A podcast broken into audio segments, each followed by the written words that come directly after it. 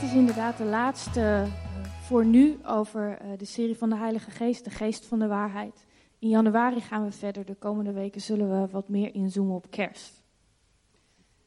Um, voor de mensen die het niet weten, er is een appgroep in Connect Kerk waar we elkaar door de week kunnen informeren over dingen. En um, er is niks geheims aan. Als je erin wil, ben je van harte welkom. En deze week appte Oscar op een gegeven moment van het stormt om een heleboel gezinnen heen. En um, nou, eigenlijk wil ik daar vanmorgen ook over spreken. Wat gebeurt er als het stormt in je leven? En hoe ga je daarmee om? En um, hoe groot de invloed van de vijand zijn in je leven? En hoe beweeg je nog steeds richting Jezus? En um, om je gerust te stellen, dat doe ik niet vanuit de theorie, maar wij zijn een van de gezinnen om wie het schudt. En dus ik hoop dat je mijn hart erachter ziet. Het is niet iets wat ik uh, wil doen om je te confronteren. Het is iets wat God op ons hart heeft gelegd als connectgroep om ook te delen. En toen ik er vanmorgen mee bezig was, dacht ik, ja, dit is iets wat God ook wil delen met de gemeente, omdat het een doorbraak kan geven in de dromen en de visies die God ons ook als gemeente geeft. Zoeken naar een doorbraak in je leven betekent vaak een proces van discipelschap en een proces van heiliging in je leven. En toen wij in Hongkong hebben gewoond, we hebben een half jaar in Hongkong gewoond, hebben we een school gevolgd. En een van de dingen die me altijd is bijgeleven was de week dat we les hadden over spiritual warfare. En ik dacht, nou, nou komt het, hè. Nou gaan we strijden met demonen. En eigenlijk was de meest simpele tekst die me altijd is bijgebleven: Spiritual warfare is a life lived. Geestelijke strijd is hoe jij je leven dagelijks leeft. Het gaat niet om die strijd met die demonen. Hoe krijg je kracht in Gods koninkrijk? Is om dagelijks te kiezen om naar Hem toe te bewegen. Weet je, we zijn allemaal onderweg met Jezus. Niemand is perfect. Er zijn dagen dat ik denk, yes, deze dag is het me gelukt. En er zijn ook dagen de afgelopen week geweest dat ik dacht, ik faal. Laten we samen bidden voordat we Gods woord openen.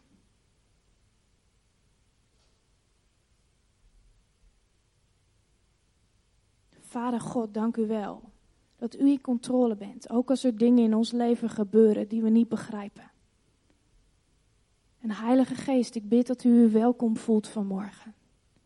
Wees welkom in ons midden, Geest van de waarheid. Vader, en ik bid dat we open mogen staan voor datgene wat u tot ons persoonlijk wilt zeggen. Dingen waar we misschien stappen in mogen maken, dingen die we los mogen laten.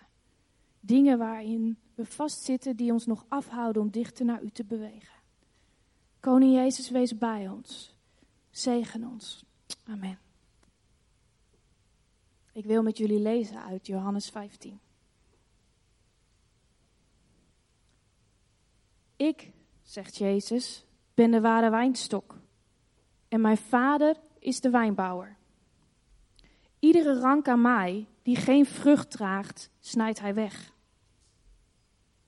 Iedere rank die wel vrucht draagt, snoeit hij, opdat hij meer vruchten draagt.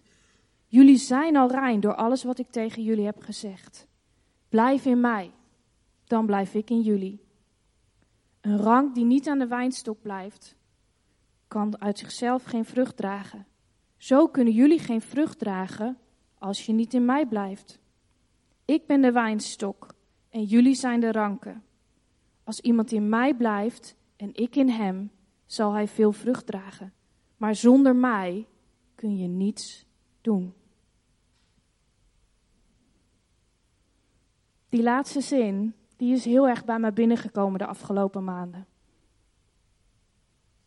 Zonder mij kun je niets doen. Het kan niet zijn ik en Jezus. Het kan niet zijn dat ik op mijn werk mijn ding doe en Jezus thuis laat. Het kan niet zijn ik en. Vul maar in wat voor jou geldt. Dat kan niet als je vrucht wilt dragen. Deze tekst is zo helder. Als je niet in mij blijft, draagt het geen vrucht. Alles moet in Hem zijn. Alles moet geënt zijn op die wijnstok. Alles moet geënt zijn op Jezus. God is niet bezig om ons meer op onszelf te gaan laten lijken. God is bezig om ons meer op Jezus te laten lijken. En die vrucht kan alleen naar boven komen als je in God blijft. En soms, soms doet dat zeer. God kan je een gedachte geven. Deal hiermee. hey, hier laat je de vijand nog binnen in je gedachten. Deze houdingsseizoen, die klopt niet. Weet je, je kunt je erachter verschuilen. Je kunt dit proces negeren als God tot je spreekt. Want weet je, dit gebeurt niet hier in de gemeente. Dit gebeurt thuis als ik zit met mijn stille tijd en mijn Bijbeltje en God vraag of in het bos loop: Heer, waar hou ik nog dingen vast die, die u eigenlijk wil dat ik ze aan u geef? Je kunt ervoor kiezen om hier niet mee te dealen. Ogenschijnlijk was er niks aan de hand geweest. Voor jullie als je naar me kijkt. Ik kan niet met mijn handen in de lucht staan, een geweldige tijd hebben hier staan. En tuurlijk gebeuren er dingen door mijn leven heen. Maar ik draag niet de vrucht die God wil dat ik draag. Want dit, hier deelt God mee met mij in privé.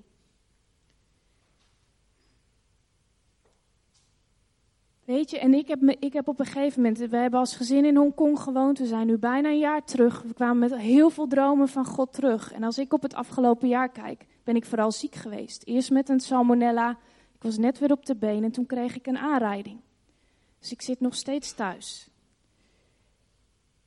En op een gegeven moment heb ik de knop om kunnen zetten.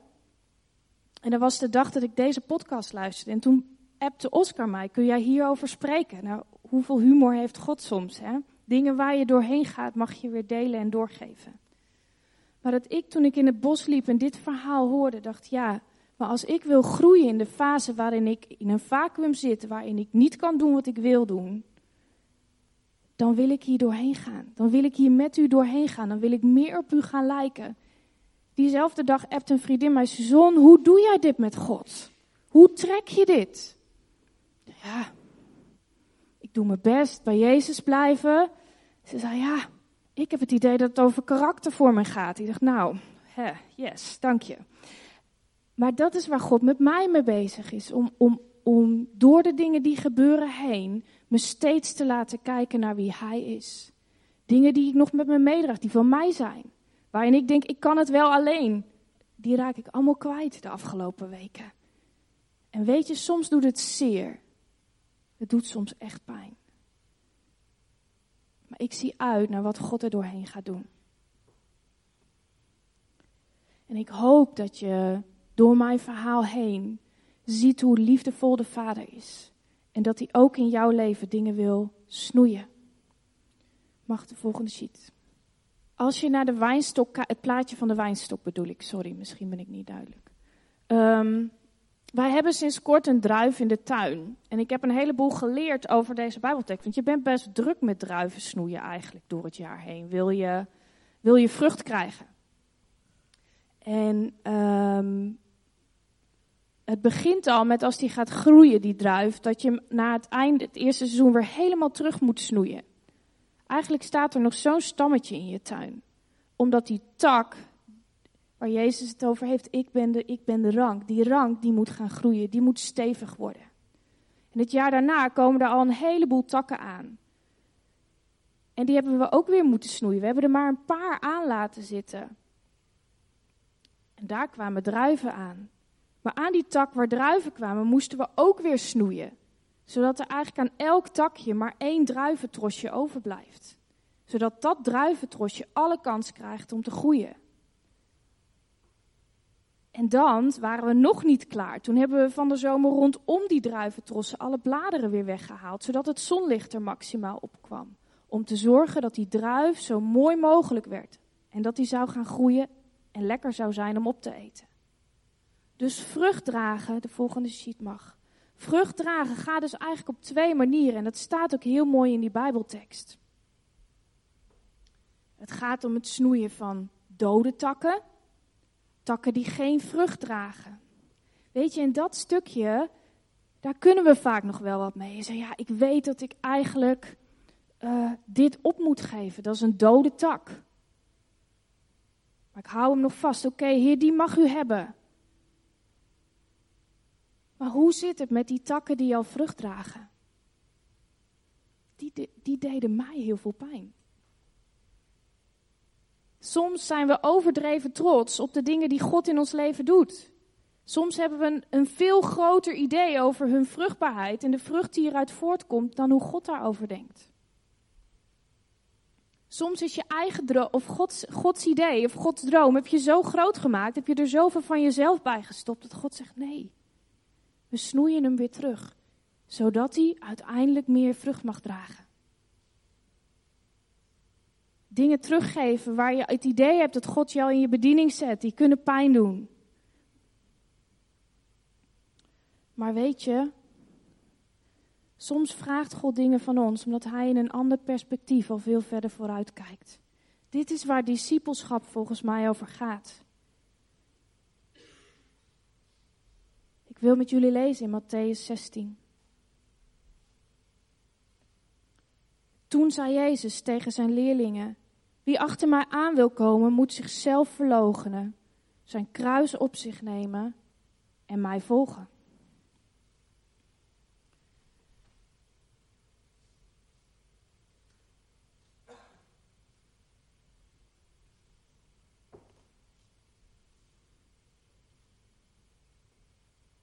jezelf verloochenen, sterven aan jezelf.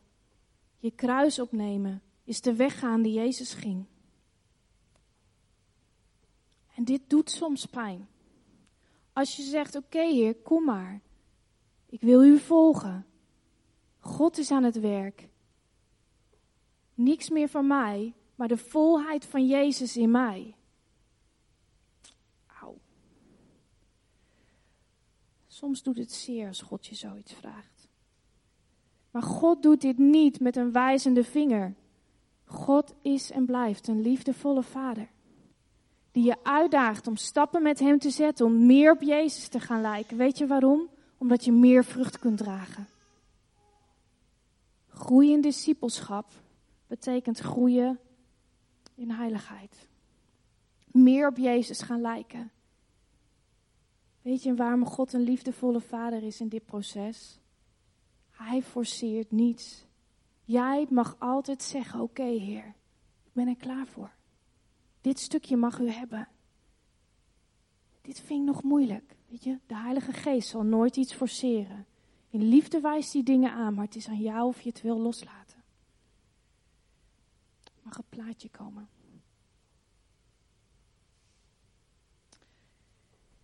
eigenlijk zag ik een plaatje voor me als je het hebt over discipelschap.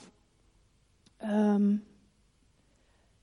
dit gaat over een proces van heiliging. Dit gaat helemaal niet over waar je staat, want je bent gered, maar wel in welke weg je met Jezus gaat. Dichter bij de Vader komen betekent dingen loslaten. Als je tijd met de Vader doorbrengt, als je intimiteit met God hebt, waar we zoveel over gesproken hebben de afgelopen tijd, dan komen er soms dingen naar boven waarvan God in liefde zegt: wil je loslaten? Wil je dat offer brengen voor mij, zodat ik door jou heen meer vrucht kan laten zien? God houdt van jou, hoe je nu bent. En God houdt ook van jou, hoe je er in de toekomst uit kan zien. Hij ziet de toekomstige vruchtbaarheid door jouw leven heen. Hij kan het totale plaatje overzien. Voor mij betekent dat nu discipline, gebrokenheid. Door dingen heen gaan waar de vijand allerlei pijlen op ons gezin afstuurt. En elke keer weer denken: oké, Heer. Al, alle dode takken in mij, ik geef ze aan u. Dingen waar we nog los moeten laten. Je laat het zien. Ik wil leven naar uw evenbeeld. Ik wil leven en doen wat u zegt. Ook als het pijn doet. Een heel mooi voorbeeld vind ik hoe ik naar mijn eigen kinderen kijk. Weet je, soms doen ze dingen nu, ouders zullen het allemaal snappen. En moet je discipline toepassen? Moet je opvoeden? Is dat altijd leuk? Nee, ik vind het soms heel ingewikkeld om nee te zeggen, om een grens te stellen of om straf te geven. Dat is helemaal niet leuk. Maar waarom doe ik dat? Omdat ik zie wat voor geweldige volwassenen uit mijn kinderen voort kunnen komen. Welke plek zij in Gods koninkrijk kunnen gaan innemen. Welke dromen God voor hen heeft. Dat is de reden waarom ik soms tegen hun zeg: nu, stop, dit kan niet. Soms probeer ik het ze zelfs uit te leggen. Ik doe het omdat ik van je hou. Ik ben voor je, ik ben niet tegen je. God zegt hetzelfde tegen ons. Ik ben voor je. En ik ben niet tegen je. Spiritual warfare is a life lived. Geestelijke strijd is een leven leven. Dagelijks opnieuw keuzes maken om dicht bij Jezus te blijven. En wat als er nou niks gebeurt? Wat als er geen doorbraak komt? Weet je, dan denk ik dat je, dat je kan vragen aan God, hier is er iets wat ik vasthoud? Is er iets in dat proces van heiliging wat u met mij door wil? In dat proces van discipelschap, waar ik nog iets moet loslaten? Het is mijn keuze geweest nu om te denken, oké, ik, kan, ik kan blijven hangen in de omstandigheden. Ik kan teleurgesteld zijn over de dingen die, me die ons gebeuren als gezin. Ik kan teleurgesteld terugkijken op dit jaar. Of ik kan zien, Heere God, wat u er doorheen wil doen. Hoeveel meer wij als gezin op u kunnen gaan lijken. En ik moest terugdenken aan het beeld wat Marcel vorige week gebruikte. Dat hij um, bij kasteel Doorwet kwam en dat hij um, dat hele grote kasteel met dat water en die ophaalbrug. In zo'n storm kun je er inderdaad ook voor kiezen om te zeggen: ik, haal, ik de op, ophaalbrug gesloten. Ik wacht tot de storm om me heen gaat liggen. En God, ik wil hier niet mee dealen. Dat kan. Weet je, die, die keuze krijg je van onze Hemelse Vader. Hoe liefdevol. Maar wil je groeien met Jezus, betekent het soms dingen loslaten. Een proces van discipel worden van Hem betekent soms sterven aan jezelf.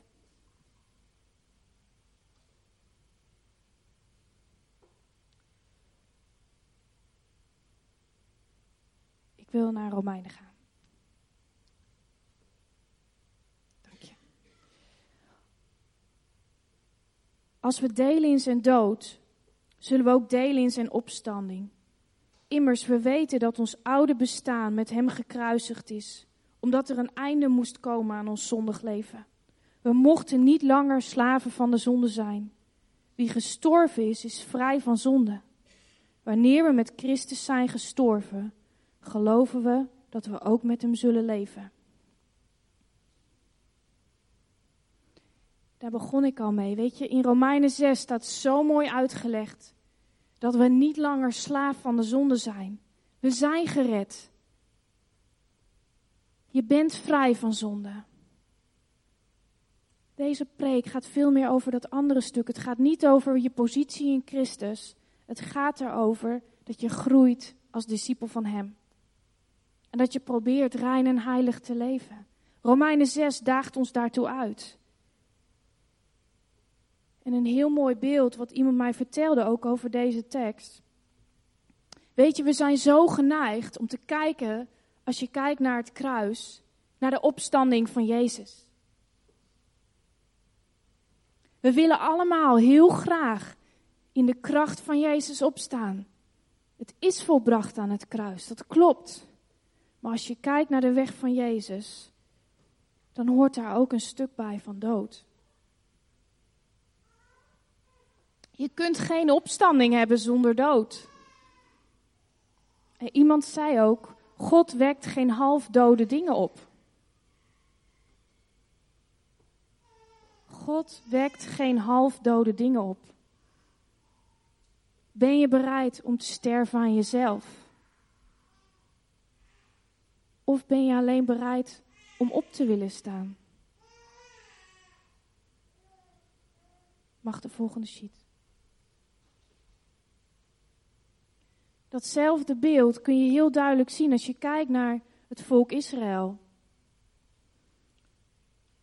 Heel veel mensen willen het beloofde land ingaan en het beste van Egypte meenemen.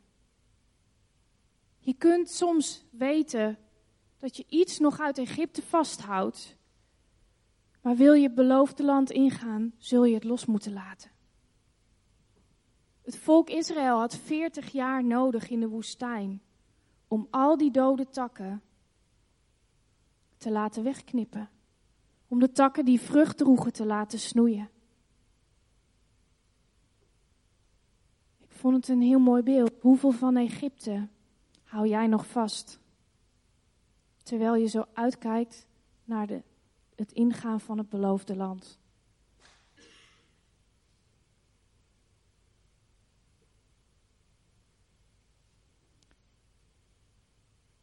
Dit is hoe God werkt in ons. Het is de weg van het kruis. Sterf aan jezelf. Het is de weg van zijn liefde. Het brengt ons in een diepere fase of in een diepere laag van zijn heiligheid.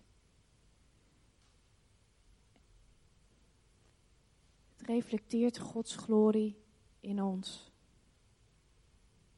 En toen moest ik terugdenken aan wat Marcel vorige week ook zei. Geloof is niet presteren, maar Jezus reflecteren. Weet je, dit kan klinken als iets waar je ontzettend veel moet doen. Ik moet allerlei keuzes maken. Als je hart is om Jezus te reflecteren in deze wereld, dan komt dit proces vanzelf. Dan zullen er steeds weer stukjes komen waarin God zegt: Wil je dit aan me geven? Wil jij meer van Jezus reflecteren? Kunnen we het dan hier samen over hebben? Kun je deze houding misschien veranderen? Kun je dit stukje aan me geven? Mag ik met het oog op de toekomst dingen aanwijzen in je leven? Geestelijke strijd is een dagelijkse keus, is een leven leven met Jezus.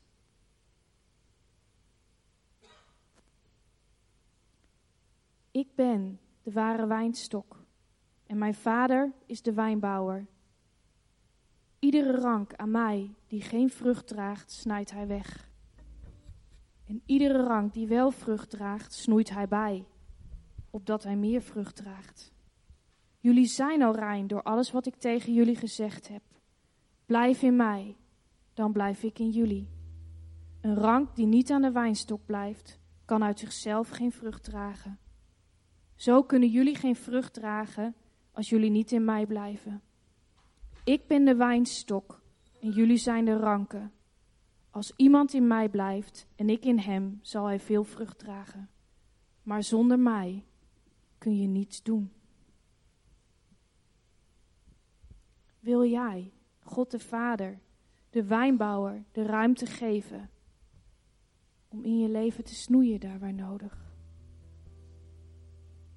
Wil je klaar zijn om vrucht te dragen. Als God mensen met noden naar onze gemeente gaat sturen. Wat houd je nog vast dat je, waarvan je eigenlijk weet dat je het aan God moet geven? Hoeveel Egypte hou je vast terwijl je zo uitziet naar het ingaan van het beloofde land? Laten we gaan staan.